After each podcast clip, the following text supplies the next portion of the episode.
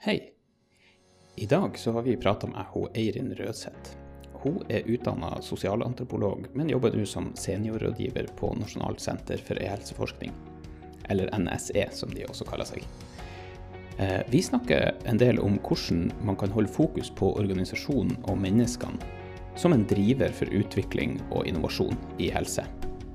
Vi snakker også om eh, hvordan man kan gjøre overgangen fra prosjekt til drift på en mest mulig smidig måte, og hvordan man i større grad kan lykkes med de eh, utviklingsprosjektene man har.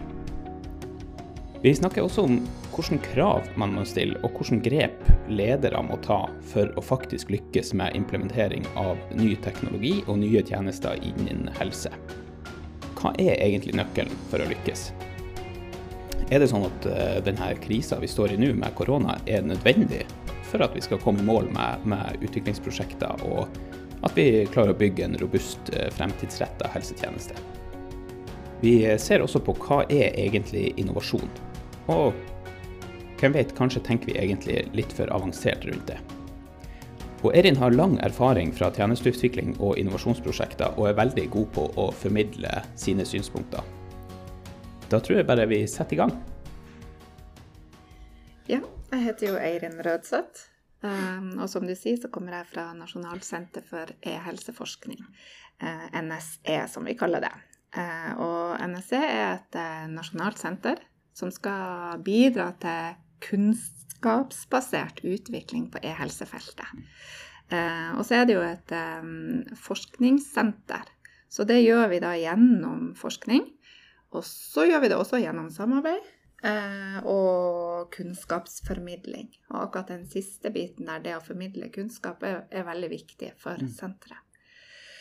Eh, vi holder til i Tromsø, eh, og, eh, og er veldig tverrfaglig sammensatt. Så vi som jobber der, eh, har eh, faglige bakgrunn. Det er ingeniører der, og det er realister, og, og en hel del eh, ansatte med helsefaglig bakgrunn. Og så er det en del samfunnsvitere, som, som meg, da. Jeg er en av dem. Um, og jeg er sosialantropolog. Jeg har studert antropologi for mange år siden. Men eh, nå har jeg da jobba med e-helse og digitale tjenester i over åtte år. Um, jeg har uh, internasjonal erfaring. Jeg jobba med bistand og internasjonalt samarbeid i kommunen tidligere. Og så har jeg jobba med universitetet. Jeg satt og leste litt på hva en sosialantropolog gjør. Ja. Så hvis du, kan, du forklare med dine ord hva utdanninga gikk ut på? Hva, hva, er det man, eh, hva er det man lærer, og hva er det man blir utdanna til å jobbe med? Ja, I motsetning til um, profesjoner som er sykepleiere og leger f.eks., så er jo når du studerer et samfunnsfag på universitetet, så er det um, mer generelt, kan du si. Um, og jeg har, eh, jeg har lest utrolig mye rart uh, i studietida. Uh, alt fra samfunn, små samfunn i Afrika til uh, mye metode og um, altså om, om konflikter og eh, hvordan samfunn fungerer og ikke fungerer. Men kanskje det som, var, som, min, eh, som blir fortrinnet når du studerer på universitetet i så mange år som jeg gjorde, det er jo at man lærer seg å tilegne eh, Man tilegner seg kunnskap og lærer seg hvordan man kan skaffe oversikt og innhente informasjon og sette den sammen og lage systemer av det. Eh, og så er jo en viktig del av den eh, Det som ligger i ryggmargen min, er å ha et kritisk blikk eh, på det jeg leser, og på det jeg innhenter informasjon. Sånn at jeg ikke skal kunne sluke alt rått. Eh, så det er kanskje det viktigste jeg har lært gjennom, eh, ja, gjennom studiet. På sosialantropologi så står det at man jobber med sosiale prosesser og liksom interaksjon mellom folk og folk til å Ser du at du kan bruke det når det er snakk om innføring av ny teknologi og e-helse og sånne typer løsninger også? Absolutt. Ja. Eh, og det er jo kanskje det som har trigga meg i alle de her årene jeg jobber med e-helse og IKT, at jeg blir ekstra opptatt av det organisatoriske. Eh, og jeg blir jo en av de som er veldig snar med å si at jo, det handler om 20% teknologi, og så handler eh, resten om organisasjoner og mennesker. Og da Og, det har jeg jo med erfaring med de prosjektene som jeg har leda, der vi har innført eh, digitale tjenester og e-helseprosjekter. Da. da har jeg jo sett at det er jo nettopp de komponentene som handler om eh, det menneskelige og det organisatoriske, som er hinder. Um, teknologien, de 20 er viktig, ja. Uh, og det ser vi jo også, at hvis ikke det fungerer, og ikke ting er på plass eh, som et fundament, så går det jo ikke så bra. Mm. Men du, det er Man skal få menneskene med seg, og organisasjonen med seg. Og man skal jobbe på nye måter. Og det må man ta på alvor hvis, hvis man skal få til varige endringer synes du at man Nå hopper vi jo rett, rett, inn i grøten her, men synes du at, synes du at man klarer å, å, holde nok fokus på det? Eller blir det veldig sånn teknologifokus? Og klarer vi å ta hensyn til det her sosiale og det organisatoriske nok? Um, jeg tror nok at vi er blitt flinkere til det i dag enn vi var for noen år siden det miljøet jeg tilhører, eh, kommer jo fra, eller var opprinnelig Nasjonalt senter for eh, samhandling og telemedisin. Eh, og i starten, når man starta med å innføre f.eks. videotjenester, så var man veldig opptatt av teknologien. Og opptatt av at man skulle sette ut videosystemer rundt omkring i sykehusene og i kommunene. Og ikke så opptatt av det organisatoriske. Men jeg opplever at eh, i sykehusene nå og, eh, og, i kommunene også, så tar man høyde for det at eh, skal innføre en ny teknologi, så må man også eh, så må man også lage rutiner og prosedyrer og ha opplæring av helsepersonellet. Sånn at eh, jeg tror det er blitt ei endring der eh, til det bedre de siste årene. Men det som, det som kanskje er utfordringa, det er jo at det her, det her tar tid. Og ledelsen har ikke tid eh, til å få til å sette Altså, det, det, det koster penger eh, å få en pukkelkostnader, som vi kaller det. ikke sant? Eh, det er ikke å få personalet med seg eh, og få alle sammen med seg. Det, det, tar, ganske, det tar, ganske, lang tid. Det er ikke gjort i anvending. Um, og da kommer de her innovasjonene og de her utviklingsprosessene vil ofte komme i konflikt med de daglige rutinene. Eh, også rutiner som handler om teknologi og e-helse, men ting man har på plass. ikke sant? Og, og det skal driftes. og eh, og så skal man i tillegg ha den nye, den nye dimensjonen. Om det kan være Det kan være alt fra eh, fallforebygging, uh, teknologi som forebygger fall, til f.eks. video, som jo er veldig aktuelt nå i disse dager. og det, det ser man ofte i små og store organisasjoner, at de her kommer i konflikt med hverandre vi hadde et foredrag, eller vi var med på et foredrag i går der han snakka om eh, personlig endring og det her med endringssmerte. At når du skal endre deg, eh, så vil du gjerne gå tilbake til normalsituasjonen. Du må på en måte stå i det en stund for å, for å bli vant til den nye normalen. Mm. Uh, og, det ser man jo kanskje ofte, at hvis du kjører en pilot, så funker det greit i den piloten, men så, det, så, hopper, så sklir du fort tilbake til liksom, sånn som vi er vant til å jobbe, og de faste rutinene og faste uh, så det, er det noe, Hva du tenker er det viktigste man kan gjøre for å, for å klare å beholde uh, den her endringsvilligheten og den nye normalen i, mm. i som du sier, de her organisasjonene da, som, som, har nok med egentlig det de gjør fra dag til dag? Ja, Det er jo et veldig godt poeng du har der. Eh, den der klassiske overgangen fra prosjekt til drift. Og da ser man jo at i prosjektperioden var alle entusiastiske. Alle syntes det her var kjempegode endringer til det bedre, både helsepersonell og pasienter. Og man dokumenterer hvor bra dette er. Og så skal man ha overgang til drift, og så glemmer man, går man, ja, som du sier, tilbake til det vanlige. Eh, og da tror jeg at ledelse er et stikkord. Eh, det i utgangspunktet må de her endringene være forankra, og de må eies på ledelsesnivå. Eh, og lederen, lederen skal stille krav til at man faktisk fortsetter eh, den nye praksisen. da. Eh, og da er det jo mange måter man gjør det på. Når man skal få til endring, så må det stilles krav til rapportering, ikke sant. Det skal stilles krav om, om det handler om video, da. Så må det stilles krav til at driftsorganisasjonen på f.eks. hver måned rapporterer hvor mange videokonsultasjoner har man faktisk gjennomført siste måned. Eh, og så må det være et det må um, tematiseres jevnt og trutt. Eh, med organisasjon og på ledelsesnivå. Eh, hvordan foregår ting? Hva er volumet av denne tjenesten nå? Eh, og er det noen forbedringspotensialer? Og hvordan kan vi justere for at ting skal bli bedre? Så det må overvåkes hele tida. Må ikke glemme. hvordan tenker du at man balanserer? For det krever jo en del ressurser, det å overvåke det også. Og det å følge med at eh, ting blir gjort, og at ting blir gjort riktig. Og, det kan kanskje oppleves som at det kommer på toppen av alt det andre man skal overvåke og gjøre og, og følge opp. Har du noen sånne tanker gjennom de prosjektene du har hatt og vært med i, eh, om akkurat det? Eh, at det ikke bare oppleves som en merbelastning også for ledere, men at man klarer å se de gevinstene det gir eh, samtidig?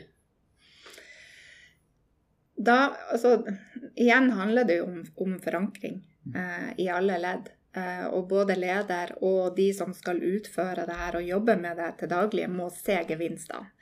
Eh, og, det, og, det, skal ikke bare være de økonomiske gevinstene. Man må ha synliggjort på forhånd hva som kan være til det bedre for helsepersonellet. Eh, og hvorfor er det enklere da? Eh, og f.eks. jobbe med video. Gir det bedre helsetjenester? Jobber vi bedre da, eller ja. Nå vet jeg ikke helt om jeg svarer på det du spurte om, men Jo, men jeg tenker at det er jo noe av det å synliggjøre. Eh, for det, det vi har sett ofte, er jo at eh, er jo at du innfører noe som gir, kanskje gir gevinster på en annen plass enn akkurat der du skal gjennomføre en konsultasjon på video, eller uh, bruke et nytt uh, målingssystem eller et nytt, uh, ny sensorteknologi, så, så, er det kanskje ikke den avdelinga som gjennomfører det der gevinsten oppstår der å beholde et sånn helhetlig perspektiv mm. tenker jeg er jo, er jo, viktig. Og det samfunnsmessige oppi det. Der tenker jeg jo, ja. Med din bakgrunn også, så må det jo være de tingene man eh, ser veldig tydelig. at Men hvordan klarer man å få helsepersonellet som skal gjøre, eh, begynne å jobbe på en annen måte, til å forstå at det her får gevinst for mange andre i mm. deler av samfunnet? Jeg tenker mm. at Der ligger det jo en del utfordringer. Det er, jo, det er jo ledelsen sitt ansvar å ha det overordna blikket. Eh, man kan jo eh, være bekymra for at hvis vi ser at vi sparer veldig mye penger på vår avdeling, så kanskje flyttes de pengene over til andre avdelinger eller andre klinikker. At, at budsjettet vårt reduseres. Det er jeg kjenner til eksempel på det der man har vært helt reelt bekymra for det. Men det er jo ledelsen sitt ansvar å ha det overordna blikket. Og så vet vi at det helsepersonellet er opptatt av, det er jo faktisk det å gi gode helsetjenester. Eh, og det og hvis de ser at den tjenesten de tilbyr ved hjelp av teknologi, gir en merverdi for pasienten, så da, er, da, har du på en måte solgt det for, for helsepersonalet. Og det, det, har jeg flere eksempler på. Jeg jobba jo eh, før jeg kom til NSE, inne i sykehuset, på e-helseavdelinga til Universitetssykehuset Nord-Norge. Eh, og da kom det helsepersonell til oss og fortalte om sine erfaringer under korona, der de faktisk hadde gitt eh, videokonsultasjoner, eller hadde fulgt opp pasienter med video. Pasienter som tidligere kom inn i sykehuset, eh, men som nå eh, opplevde at dette var veldig bra. Og kunne få lov å være hjemme. Dette var i utgangspunktet veldig syke pasienter som opplevde det å komme inn til sykehuset på kontroller som krevende og utmattende. Men under korona så fikk helsepersonalet til å møte pasienten hjemme hos pasienten, og ikke nok med det, de klarte å få til tverrfaglige møter. Og det er jo akkurat det vi har drømt om i årevis. Ja, ja. eh, og nå ble vi tvungen til det, ikke sant? Og da uh, hun legen som jeg snakka med om det her, hun sier at ja, men dette, dette var så bra for pasienten at de kommer til å nekte å komme inn til kontroller. Og det tror jeg, så jeg tror at det er på en måte en sånn nøkkel at hvis helsepersonalet ser at dette er bra for pasienten, det er det som er driveren deres. Da skal vi ikke være så bekymra. Nei, det, det, jeg synes det som er interessant, er liksom at vi ser at etter korona så så vi at det her funka. Men vi har jo hatt teknologien der lenge, mm. og vi har jo hatt ulike prosjekter og, og prøvd å innføre det her som en tjeneste i, i flere år. Eh, tror du at vi Det jeg tenker, eller er redd for, er har, har vi hatt det for godt? Har vi ikke hatt nok krise til å se at vi må begynne å gjøre ting på en annen måte for at det her skal bli effektivt og øke kvaliteten osv. Og, så og så kom korona, og så var det sånn Oi, det her, det her funker jo. Mm. Eh, en, tror du det er en fare for at vi Som du sier, noen har oppdaga at sånn her, vi skal ikke tilbake til det gamle. Men tror du det er en fare for at vi sklir tilbake til det normale, når, eller det gamle, når, når korona er over? Og hvordan skal vi klare å, hvordan skal vi klare å opprettholde den der endringstakten og viljen som vi har opplevd nå i det siste?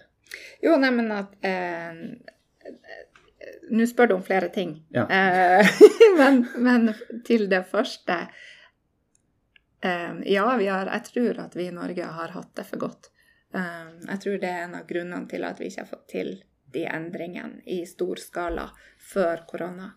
Eh, vi har jo eh, på NS, altså Nasjonalt senter for telemedisin, hadde vi jo samarbeidspartnere fra andre land Eh, og det er f.eks. Russland. Eh, vi hadde store prosjekter i Russland, langt nord og øst i Russland, med store store avstander. Og der fikk de jo faktisk til å gjøre de endringene som vi bala med i årevis her i Nord-Norge. Fordi at de måtte. Sånn at, og det sier jo også sånne organisasjonsteoretikere. At for å få til varig endring, så må det være gjerne en krisesituasjon som skal være en sånn driver da, til den endringa. Sånn at pandemi, ja, det tror jeg faktisk er liksom check. Nå, nå sto vi i pandemien, og da fikk vi til endringer. Uh, men så var det det du sa etterpå om, om varige endringer. Og da tror jeg igjen det jeg sa i, i sted, at, at um, forankringa, altså at ledelsen, har en viktig oppgave. At de tematiserer der og stiller krav til at man fortsetter eh, den nye praksisen, da, og ikke går tilbake til, til den gamle. Eh, for det, det, eh, det, så vi jo faktisk eh, på kurvene. Da jeg jobba i sykehuset, så drev vi jo og, og målte og, og, hadde kontroll over hvor mange video, faktiske videokonsultasjoner sykehuset ga til pasienter. Eh, og telefonkonsultasjoner. Eh, for det var det også sånn Kurven gikk oppover på det etter mars. Og det var en voldsom økning, både her eh, på UNN og andre sykehus i hele landet. Kurvene gikk rett opp. Og holdt seg oppe i mars og april. Og så, når samfunnet gradvis og sykehusene åpna igjen i sommer og i august, så gikk kurven nedover igjen.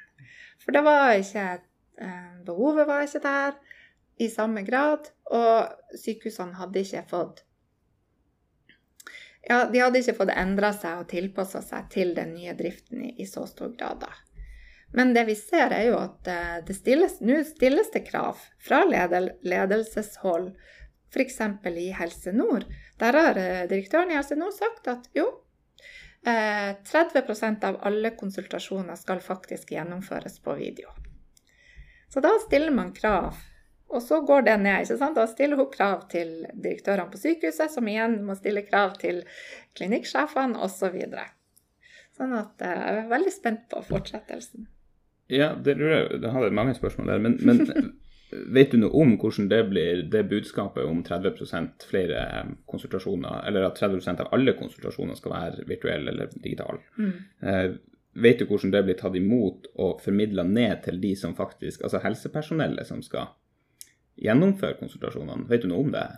Og det finnes jo styringssystemer i helsetjenesten, i spesialisthelsetjenesten, eh, der man eh, har såkalte styringsdokumenter, der man definerer alle kravene som altså syke, Helse Nord, Først kommer det jo fra Helse- og omsorgsdepartementet til Helse Nord, og så går det videre igjen til helseforetakene. Og igjen videre til klinikkene inne i sykehuset. Eh, og da, det er det jo systemer på, der man helt konkrete mål, og så måles man på det og skal rapportere igjen. Klarte vi å oppnå disse målene? Eh, og da kommer sannsynligvis i styringsdokumentet for 2021 så kommer det til å stå 30% videokonsultasjoner. Ja, det blir spennende. Vi har jo prøvd å formidle at det som kommer i Norge med eldrebølgen og færre ressurser, spesielt her oppe i nord hadde et møte i går der vi diskuterte at det er bare tre kommuner i Nordland for eksempel, som har over 15 000 innbyggere, og dermed er på en måte selvgående. De alle de andre er avhengige av støtte og, og, sliter på en måte med å få ting, hjulene til å gå rundt fordi de er så små. Mm. Eh, det her er jo en varsla krise som man har prata om lenge. Og, og, eh, og, man sier enda at vi ikke vi har ikke begynt å se konsekvensene av det her. Og vi sliter allerede i dag, til og med i, i Tromsø, som er en stor kommune, med å få tak i nok eh, personell og nok kompetanse ute i tjenestene. Så det, korona kom og er en veldig sånn akutt krise. Men klarer man å Tror du man klarer å se på eldrebølgen og den kommende situasjonen? Klarer man ikke å forstå den krisen som kommer, på en måte? Siden man ikke har klart å få til samme endringstakten allerede? Mm. Nei, jeg tror kanskje ikke det. Um, det er jo lenge siden vi begynte å snakke om den eldrekrisa og den eldrebølgen og eldretsunamien og jeg vet ikke hva. Jo, uh, problemet her er jo at det er så mye negativt lada ord. Uh, Kanskje må vi det, Jeg var på en konferanse nå tidligere i uka der man snakka om at En digital konferanse, må jeg si. der man snakka om at man må bruke andre begreper som er mer positivt lada. Og ikke bare bruke det tsunami og mm. eh, Folk blir, eh, blir, litt sliten mm. av å høre disse begrepene. Men ja, det er jo en kjempeutfordring for helsetjenesten vår, der. Eh, vi er jo så heldige i Norge at vi har blant den beste helsetjenesten i hele verden. Eh, vi gir eh, helsetjenester til altså alle Vi har lik, så, så godt som lik helsehjelp av, uavhengig av hvor, hvem du er og hvor du bor i mm. landet. Det stemmer ikke helt, da, men det er på en måte idealet vår. vårt. Um, og, og, hvis vi sammenligner oss med andre land, så får vi det ganske bra til i Norge. Men som du sier, vi blir eldre. Eh, og når vi blir eldre, eh, så blir vi også sykere, for vi får flere kroniske lidelser. Dette er jo en problemstilling for hele verden, eh, de her kroniske lidelsene som man har. Og så er det jo selvfølgelig også det at vi ikke har nok helsepersonell. Vi har ekstrem mangel på sykepleiere, og det ser vi jo, det er jo blitt tematisert mye under koronaen. Eh, intensivsykepleiere, anestesi og alle de her som vi ikke har nok av. Eh, og så har vi ikke nok leger heller, og annen type helsepersonell. Og, og, da har vi jo snakka om det her i årevis. Vi er nødt til å jobbe smartere. Eh, vi er nødt til å realisere gevinster. Vi er nødt til å innføre teknologi. Ja. Og så får vi det bare delvis til. Men det, vi får jo mye til også. Det, det er jo eh, nasjonale initiativ fra Helsedirektoratet eh, sammen med kommunene, der kommunene jobber sammen. Eh, og, det, og, det, er mange små og mellomstore kommuner som har fått til veldig mye eh, over årene nå. Og det forskes jo på det her. Jeg har kollegaer ved NSE som følgeforsker det her og evaluerer de prosessene som pågår i kommunene. Et eksempel er jo Bodø kommune, eh, som eh, nå under koronaen eh, fikk til avstandsoppfølging av eh, covid-19-pasienter. Eh, og det er jo et resultat av det her velferdsteknologiprogrammet som de er en del av. Og så kom det et nytt behov, og så klarte de å justere tjenesten til, til pasientene. Sånn at det er jo mange gode historier og eksempel på at vi faktisk får ting til. Men samtidig så Etter å ha leda prosjekter ute i kommunene eh, tidligere, så jeg er jo ganske bekymra for de minste kommunene. Mm. Det må jeg si. Jeg eh, leda jo et prosjekt for noen år siden der vi innførte elektronisk meldingsutveksling.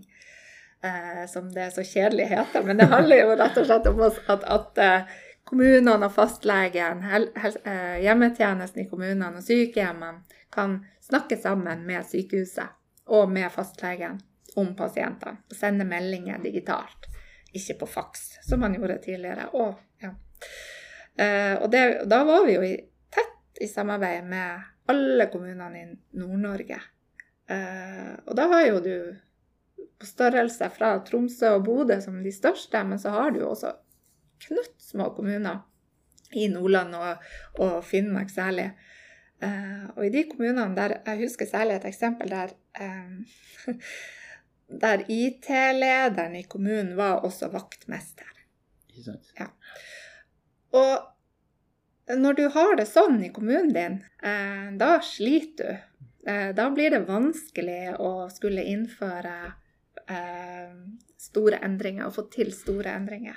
Ja, og jeg tenker jo at det blir jo enda mer aktuelt nå når man sier at når direktoratet f.eks. da går ut og sier at eh, de anbefaler alle kommunene å innføre sensorteknologi, eh, digitale tilsyn på natt. Mm. Eh, altså komme med konkrete anbefalinger på teknologi som ja, viser seg til å fungere, men klarer man liksom da faktisk få det i drift i små kommuner? Du, så du noen eksempler på at folk tok grep, eller kommuner tok grep for å lykkes mer? Altså man var det noe samarbeid på tvers av kommuner for å få mer eh, pondus bak det her, eller var det noe, noen sånne løsninger? Ja, altså det, det som var hele eh, poenget med den eh, prosessen vi leda når vi innførte elektronisk meldingsutveksling, var jo et samarbeid mellom kommunene. Eh, og da eh, var det noen eh, av de store kommunene som, som tok ansvar på vegne av de, de andre kommunene for å dra dem med seg.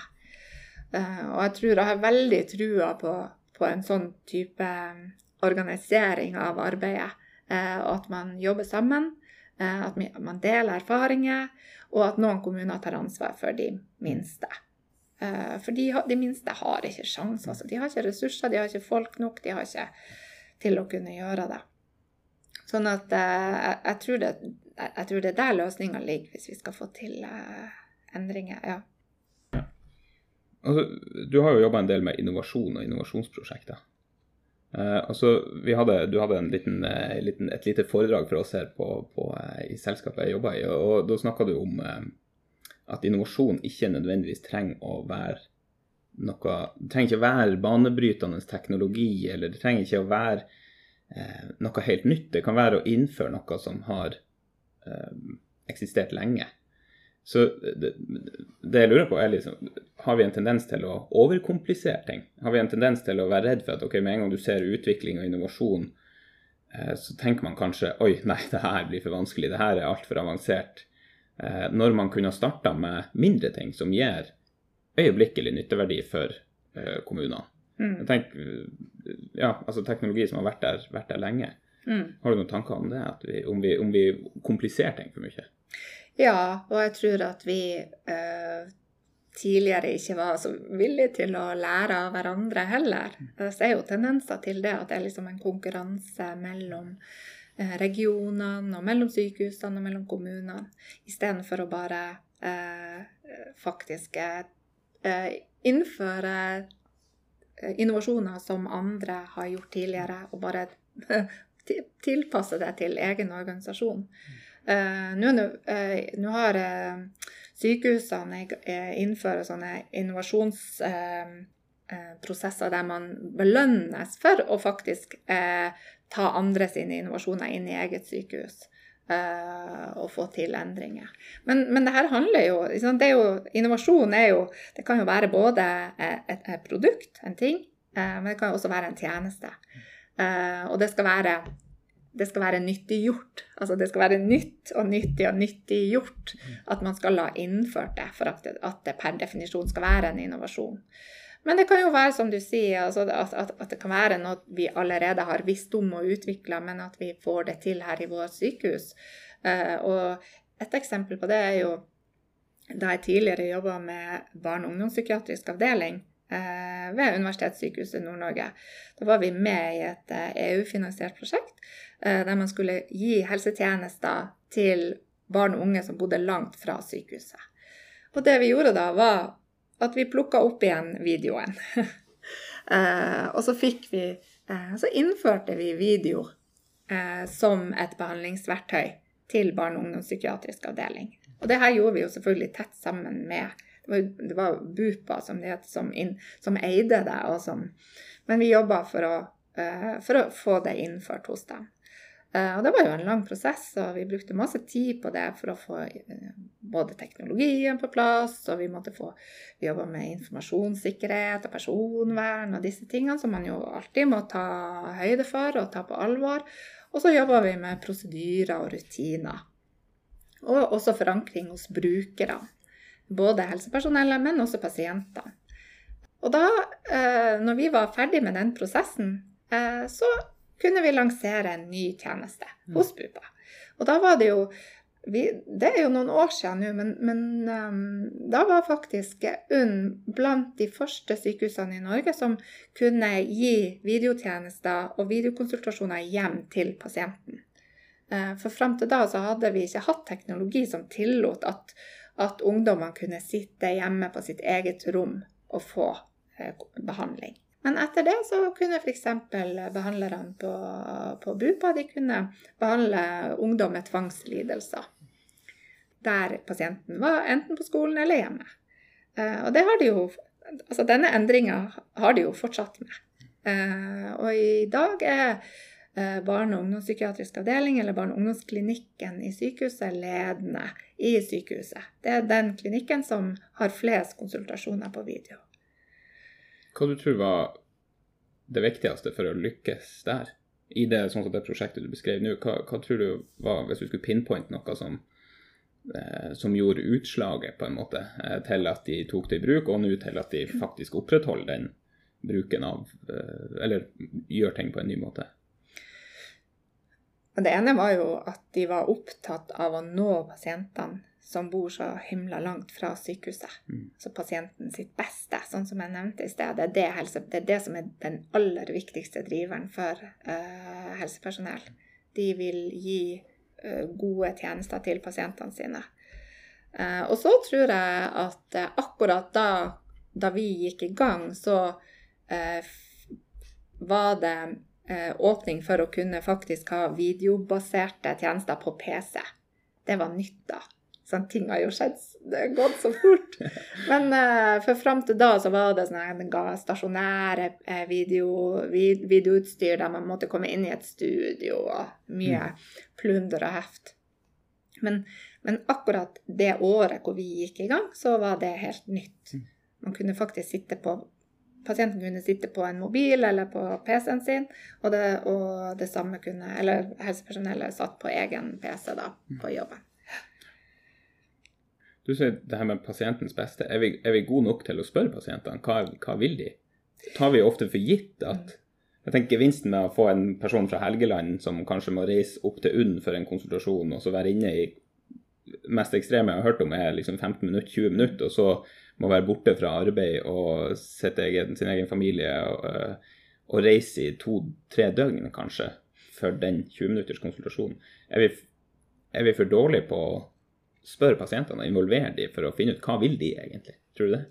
Jeg tror at hvis du spør eh, helsepersonell, så vil de benekte det. Mm. Uh, de er veldig opptatt av pasientens beste. Både sykepleiere og leger. Og...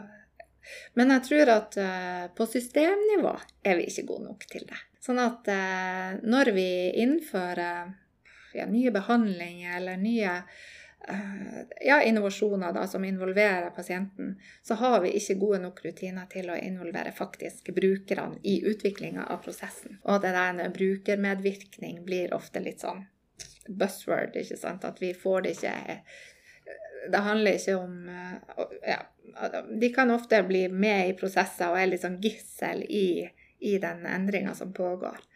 Sånn at uh, der har vi absolutt uh, et forbedringspotensial, sånn som jeg ser det. Men det har vel vært ganske mye fokus på det i det siste, de siste årene, på det her med brukermedvirkning. Så det er veldig positiv utvikling sånn sett, at man er mer obs på det. Ja, absolutt. Mm. Uh, og jeg har jo vært med på mange prosesser der vi skal endre tjenester, og utgangspunktet er pasienten sin reise i i eh, systemet, da. Mm. Fra du kommer til sykehuset til du er ferdig behandla. Eh, og da er det liksom ikke helsepersonellet som De var jo tradisjonelt, kanskje. Legen, f.eks., var liksom fokusen. Eh, men nå er det pasienten, så hvordan kan vi gi gode tjenester til pasienten? Og da handler det jo om f.eks. at pasienten skal slippe å reise fra Helgeland til UNN eh, for en 15 minutters konsultasjon. Eller f.eks. når du kommer til sykehuset, at du skal slippe å besøke alle, eller ha konsultasjoner med alle eh, spesialitetene, alle profesjonene, i løpet av en dag, og si de samme tingene igjen og igjen og igjen. og igjen. Det var nettopp hun legen som fortalte meg om at de hadde innført video under korona. Så fortalte hun at for første gang så klarte helsepersonellet å møtes sammen og høre at alle sammen hørte hva pasienten sa på en gang. Og så kunne de diskutere det i lag. Og det ga jo merverdi både for dem og for pasienten. Det er jo helt opplagt. Ja. Ja. Så, så, det, eh, så, det, Men det handler jo om at vi ikke får til de her endringene på systemnivå. For det er ingen Den legen ville jo benekte på forhånd at det var ikke av ond vilje at, det, at hun eller han gjorde som hun gjorde. Men det er noe med systemet ja. som ikke klarer å tilrettelegge for det. Mm. Nei, det hadde, en tidligere jobb så skulle vi også eh, lage ei sånn her type velferdsteknologileilighet. Eh, og da var det jo, møtte vi litt sånn motstand og litt skepsis ute blant eh, ansatte. Det var litt sånn, ja, er det nå det her noe? Og, eh, og da fikk vi inn en uh, bruker da, av hjemmetjeneste som var veldig oppegående, men sleit med, med, en del uh, somatiske lidelser. Da. Og når vi spurte om kunne du ha tenkt deg til å ha et sånt her kamera på soverommet eller i stua, sånn at hjemmesykepleien kunne se til deg hvis det var noe. Så var jo hun helt sånn Ja, selvfølgelig vil hun det, hvis, hvis hun kunne bo hjemme lenger. Hvis hun slapp å få masse folk inn i huset. Så jeg tror jo at man kanskje blir overraska hvis man involverer brukerne mer. Ja. Eh, men så er det kanskje også det er jo jeg tenker at Det er jo litt utfordrende for helsepersonellet som du sier står i det, og som har nok med, med å, å drifte ting eh, og, og, heve blikket på en måte og se de store gevinstene eh, ja, utenfor ja, sin egen avdeling. Ja, vi kan ikke stille krav til helsepersonalet som springer i sykehuset eller i hjemmetjenesten. Altså, de, de har utrolig mye å gjøre. Det er vanskelig å forstå hvor hektisk den kliniske hverdagen er hvis du ikke har opplevd det. Um, de har ikke tid å spise lunsj, de har ikke tid å gå på do. Eh, for det er så mye som pågår eh, hele tida. Eh, det er litt sånn Det er så mange krav om alt man skal gjøre. Hvis du liksom ser for deg alle de her kravene som, som sånn garn Garn Enkeltgarn, da. Og, så, og, og til sammen så blir det liksom en sånn tøva ullbit. Fordi det det blir så enormt store krav til de. Ja. De har eh, ja, Den kliniske hverdagen er hektisk. Mm. Vi snakka litt om det her med krise, og du sa du har jobba med Eller jeg vet at du har jobba med, med, bistand. Eh, tidligere. Jeg tenker, da, står man jo virkelig i en krise. Og vi har det jo som vi har snakka om at vi har det for godt. Og, eh, men siden du har erfaring derfra, kan vi lære noe fra bistandsarbeid, syns du, i, i eh, utviklingsarbeid også i den offentlige tjenesten, eller det offentlige Norge, på en måte? Oi, ja, det var jo et uh, godt spørsmål. Det vil jeg jo tenke at vi kan. Uh, det handler jo sånn helt grunnleggende om at vi har det jo så utrolig godt i Norge. Mm. Um, vi, um, vi klager mye og uh, og det er mye vi ikke får til. Altså det, det mener jeg jo virkelig. At det er ting vi kan forbedre. Mm. Men samtidig så er det noe med at uh, vi er jo det rikeste landet i verden, blant de rikeste landene i verden, som også uh, gir best helsehjelp til innbyggerne. Sånn at det er på en måte det er utgangspunktet, da. Uh, jeg har um, en av, eller den ene organisasjonen jeg jobber for, uh, heter Forut. Uh, en sånn mellomstor norsk bistandsorganisasjon. Og de har partnere i Nepal. Der man har jobba i årevis nå for å få til et barnepsykiatrisk sykehus i Nepal. det var sånn at opprinnelig hadde man én psykiater, én barnepsykiater i hele Nepal. Og nå er jeg litt usikker på hvor mange millioner innbyggere det er i Nepal, men det er, det er veldig mange. Mm. Uh, og den psykiateren vi nådde jo selvfølgelig og fikk jo ikke dekka behovet. Det var jo enormt. Så hadde man jo uh, jordskjelv og hadde flere sånne naturkatastrofer for noen år siden i Nepal. Uh, og fikk ganske traumatisert befolkning rundt omkring i landsbyene. Og da heiv de seg rundt og ønska å gi eh, faktisk videobehandling mm. til barn og unge rundt omkring i landsbyene.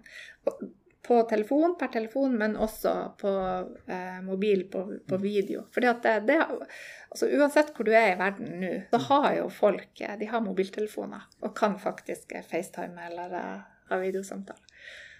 Så og, det, og nå har de faktisk ved hjelp av Forut og Norge bygd et barnepsykiatrisk sykehus mm. i eh, Katmandu, i hovedstaden. Ja, og, og, holder på å bemanne det da med eksperter. og Det er veldig spennende å følge den prosessen. Ja.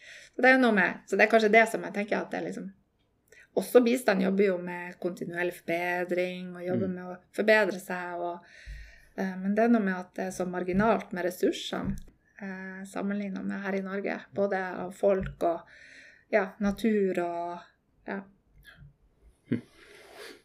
Jeg hadde også lyst til å spørre om det her med Du nevnte i stad med det prosjektet på BUPA, eller oppe på Universitetssykehuset Nord-Norge, eh, det her med sikkerhet og personvern. Um, vi er jo veldig opptatt av det med rette. Uh, vi, skal, vi, skal, beholde um, Det skal være sikkert, og det skal være sikkert nok. Men jeg har opplevd noen ganger at det kanskje forhindrer eller forsinker innovasjon. Og at vi kanskje er for dårlige på å fokusere på, på hva er det slags fordeler vi gir, kontra hvor sikkert skal det være. Altså si at nei, vi kan ikke begynne med denne tjenesten fordi at det ikke er sikkert nok. Er vi gode nok på, på å balansere det, syns du? Eller øh, har du noe innspill på det? Ja, det, det, er jo et evig spørsmål, det der. Eh, og der er jo de, de lærde sterkt uenig. Eh, klinikerne opplever at personvern og informasjonssikkerhet hindrer dem i mm. å utvikle prosesser og utvikle tjenester. Eh, mens de som representerer informasjonssikkerhetssida, eh, opplever at det gjøres ganske graverende feil rundt omkring, både i kommuner og sykehus. Eh, det som er helt sikkert, er jo at informasjonssikkerhet og personvern må vi ta på det ytterste alvor. Vi ser jo, om ikke daglig, men, men sånn som nå i høst, så har jo helsetjenesten og kommunene vært under angrep. Og det har vært hacking mot systemer på storting og kommuner og sykehus. Uh, og det må jobbes mye med det på systemnivå. Uh, og så tror jeg at nettopp når man jobber med det på systemnivå, så, man, så vil det gagne eh, enkeltpersoner som jobber med å utvikle tjenester. Fordi at man får systemer og ressurser eh, som kan hjelpe oss med å Ja, dette kan vi faktisk få til, eller dette er helt umulig. Eh, men, men eh, ja. Det er, det er, et vanskelig og det er et utrolig komplekst tema, det der. Det er kanskje ikke det jeg kan mest om, men, men jeg har lært mye av de informasjonssikkerhetsfolkene som jeg har mm. jobba tett med eh, over mange år. Eh, og de ser ting som og, og, bekymrer seg over ting som jeg overhodet ikke har reflektert mm. over. Nei, for vi har jo en, Det blir jo veldig sånn når vi innfører nye tjenester eller nye ting, så, så legger vi på et høyt nivå av, av sikkerhet. og, og man skal autentisere seg rett, og man skal gjerne ha bank-ID involvert osv. Og, så videre, og, så, um, så ser man jo også at hvis man gjør ting på gammelmåten, så, så har jo kanskje ikke gammelmåten samme nivå av sikkerhet. sånn at det er, en, det er i hvert fall en interessant diskusjon. og, og eh, jeg tenker at Det jeg er redd for, er kanskje ofte at teknologene og de som jobber med informasjonssikkerhet, er de som høres best. Og så fokuserer man kanskje litt for lite på de, eh, den nytteverdien som kommer ut av innovasjoner. Eller, eh, ja. altså, ja, og så må man spørre, som vi har snakka om tidligere, man må spørre mm. brukere. Mm. Eh, hva er greit for deg, og eh, konsekvensen av disse endringene vil være ja. sånn og sånn. Er du bekvem med det?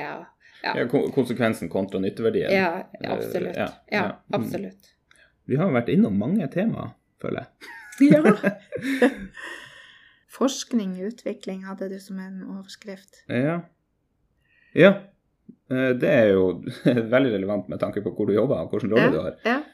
Um, det med Altså, eh, jeg ser jo at når du har med forskning på utviklingsprosjekter eller i prosjektarbeid, så får du jo gjerne Sitter du gjerne mer, altså igjen med mer eh, formell kunnskap som du gjerne kan publisere i artikler eller i rapporter og sånne her type ting. Men er vi gode nok på å få med forskere i utviklingsprosjekter?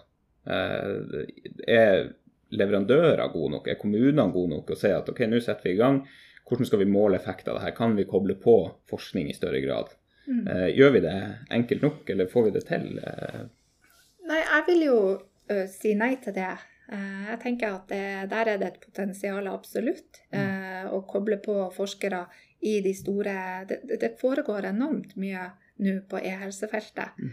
Eh, eh, både i kommunehelsetjenesten, også i spesialisthelsetjenesten og selvfølgelig også på nasjonalt nivå. Eh, og jeg tror at man mister noe hvis man ikke kobler forskere på her. Eh, og da tenker jeg at i mange tilfeller vil det der en samarbeidet mellom forskning og entreprenør, næringsliv og kommunehelsetjenesten f.eks. være utrolig nyttig. Forskerne vil tilføre en merverdi med at man kan altså følgeforske og eh, overvåke prosessen og gi tilbakemelding underveis eh, på, på potensielle forbedringer. Eh, man har på en måte, Forskeren har ofte det der overordna blikket og en hatt som ja, kan se, se ting fra et annet ståsted enn man kanskje gjør når man eh, er nedi og graver i detaljene. Og jeg tror at eh, det er jo også en, eh, en utfordring at når man innfører e-helse og teknologi, så er det store kostnader eh, knytta til det. Og hvis man ikke tar høyde for å kunne evaluere underveis her, så det kan koste oss dyrt. mm. Eh, sånn at jeg tror at eh, ja, absolutt, det er, noe vi kan forbedre oss på, og få til et bedre samarbeid. Forskere er jo ofte avhengig av eh, eksternfinansiering til å kunne følge sånne type prosesser. Men det er jo eh, ganske gode virkemiddelapparat eh, som man kan søke om felles midler fra. Fra Forskningsrådet til Innovasjon Norge til, ikke sant. Så det der trekantsamarbeidet har jeg veldig tro på. Er det, er, det et, eh, er det en fare for at det er bare de med en del ressurser og nok folk og nok kompetanse i organisasjonene, sånn som en kommune eller et sykehus, som, som klarer å koble på forskere? Jeg tenker, er det, Har vi lavterskeltjenester for å få på forskning på utvikling som skjer? Ja, jeg, jeg, tror til det første du sier, ja, jeg tror det er en risiko for at det er de store prosessene som eh, kobler på forskere. Eh, og jeg vet at det finnes eh, virkemiddelapparat til de små også. Sånn at det er noe med å kunne søke opp og hente informasjon om hvor er det vi kan skaffe finansiering, og hvem er det vi kan samarbeide med. Men jeg tror at eh, Innovasjon Norge er f.eks. et eksempel på eh, et sted å gå for å få hjelp. Er det noen muligheter for å ta direkte kontakt med Nasjonalt senter for e-helseforskning? Ja, absolutt. Ja. Vi er jo, som jeg starta med å si, et ganske stort senter med mange forskere med tverrfaglig bakgrunn. Og jeg opplever jo at eh, det er et veldig spennende miljø å være en del av. Utrolig dyktige folk som er framoverlent, og som vil være med på prosesser som pågår. eh, Og har lyst til å er jo nysgjerrig, som det ligger i forskerens natur men, men som er uhyre kompetent og har den oversikta og den eh, kompetansen som er nødvendig for å kunne bidra. Men, men eh, det er jo Alle forskere blir jo glad for å bli kontakta. Eh, og så er det jo ikke sikkert at man har kapasitet eller har mulighet, men vi er jo en del av en organisasjon, så det vil alltid være andre der som kan kobles på. Det er jo veldig bra. Jeg tenker at det er helt essensielt å få med noen utenfra. Men tenk, vi er jo veldig, Det er jo sånn som har vært prat om i media nå, med at vi har veldig strenge regler når vi innfører ny eh, medisinsk behandling. Men når vi innfører nye, nye IT i helse, eller nye store IT-prosjekter, så har vi ikke samme kravene til evaluering eller til måling av gevinster eller måling av effekt nødvendigvis. Nei. Selv om kostnadene er store og konsekvensene for både pasientene og helsearbeiderne er også store. Ja, Så der tenker jeg absolutt man har et uh, forbedringspotensial. absolutt. Ja. Eh, har du noen eh, ting du ønsker å nevne sånn mot, mot slutten? Nei, jeg tror eh, vi har snakka om det meste av det jeg brenner for. Ja, er, for meg er det jo viktig med samfunnsnytte i det Mm. jeg gjør. Og jeg opplever absolutt at det jeg jobber med, er samfunnsnyttig. Eh, at det kan bidra til at vi kan gi bedre helsetjenester til pasienten. Og også forenkle hverdagen til helsepersonell. Og det er en driver som eh, har drevet meg i mange år, og som jeg fortsatt drives av. ja, kjempebra. Det var utrolig flott at du tok deg tid til å komme og prate. Det tror jeg det setter både jeg og vi, og forhåpentligvis de som hører på, også veldig stor pris på. Det var veldig hyggelig å komme. Takk. Takk skal du ha.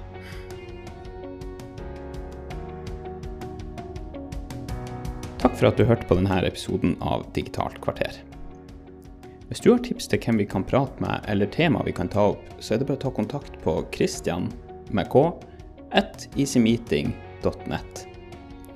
Hvis du ønsker å høre mer om hva NSE, eller Nasjonalt senter for e-helseforskning, eh, driver på med, så kan du ta kontakt med de på e-post. Blir å legge e-postadressen i eh, beskrivelsen av denne episoden. Da høres vi igjen eh, med en ny og spennende gjest i desember.